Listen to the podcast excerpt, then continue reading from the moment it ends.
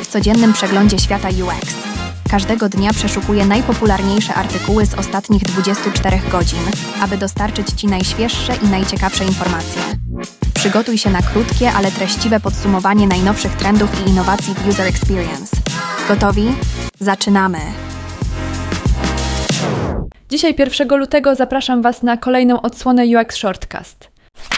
Artykuł Inclusive Design Tips from Montessori's Human Tendencies autorstwa Takumy Kakehiego dzieli się spostrzeżeniami na temat tego, jak dobry projekt może czerpać z naturalnej tendencji dzieci do eksplorowania i nauki.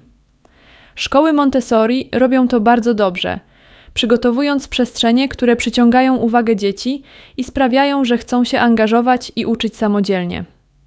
Podejście to, zapoczątkowane przez Marię Montessori we Włoszech dawno temu, opiera się na tworzeniu środowisk, w których dzieci mogą podążać za swoimi instynktami i zainteresowaniami, aby uczyć się w naturalny sposób.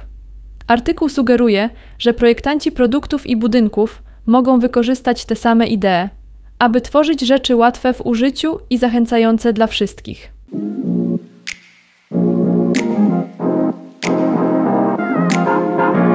Josep Ferrer napisał wnikliwy artykuł pod tytułem Sztuka i nauka wizualizacji danych, opublikowany w UX Collective, który opowiada o zamianie skomplikowanych danych w obrazy, które łatwo możemy zrozumieć. Wyobraź sobie, że jesteś na rybach na ogromnym oceanie. Wizualizacja danych jest jak Twoja echosonda, pokazująca Ci, gdzie znajdują się dobre połowy, przekształcając odczyty sonarów obrazy, z których możesz skorzystać. Artykuł wyjaśnia, dlaczego dobre wizualizacje są ważne. Pomagają nam szybko zrozumieć dużą ilość informacji i opowiedzieć historię, która zostaje w pamięci. To tak, jakbyś zobaczył mapę pogodową zamiast zbioru liczb temperatur. Mapa pokazuje ci to, co musisz wiedzieć od razu. Kluczowym punktem Ferrera jest to, że dobra wizualizacja danych nie jest po prostu ładna, jest użyteczna eliminuje zamieszanie zamiast je zwiększać.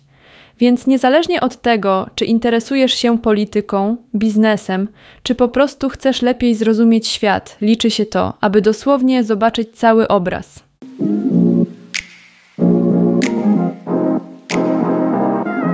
Dziękuję za wysłuchanie i zapraszam na kolejną dawkę wiedzy już jutro.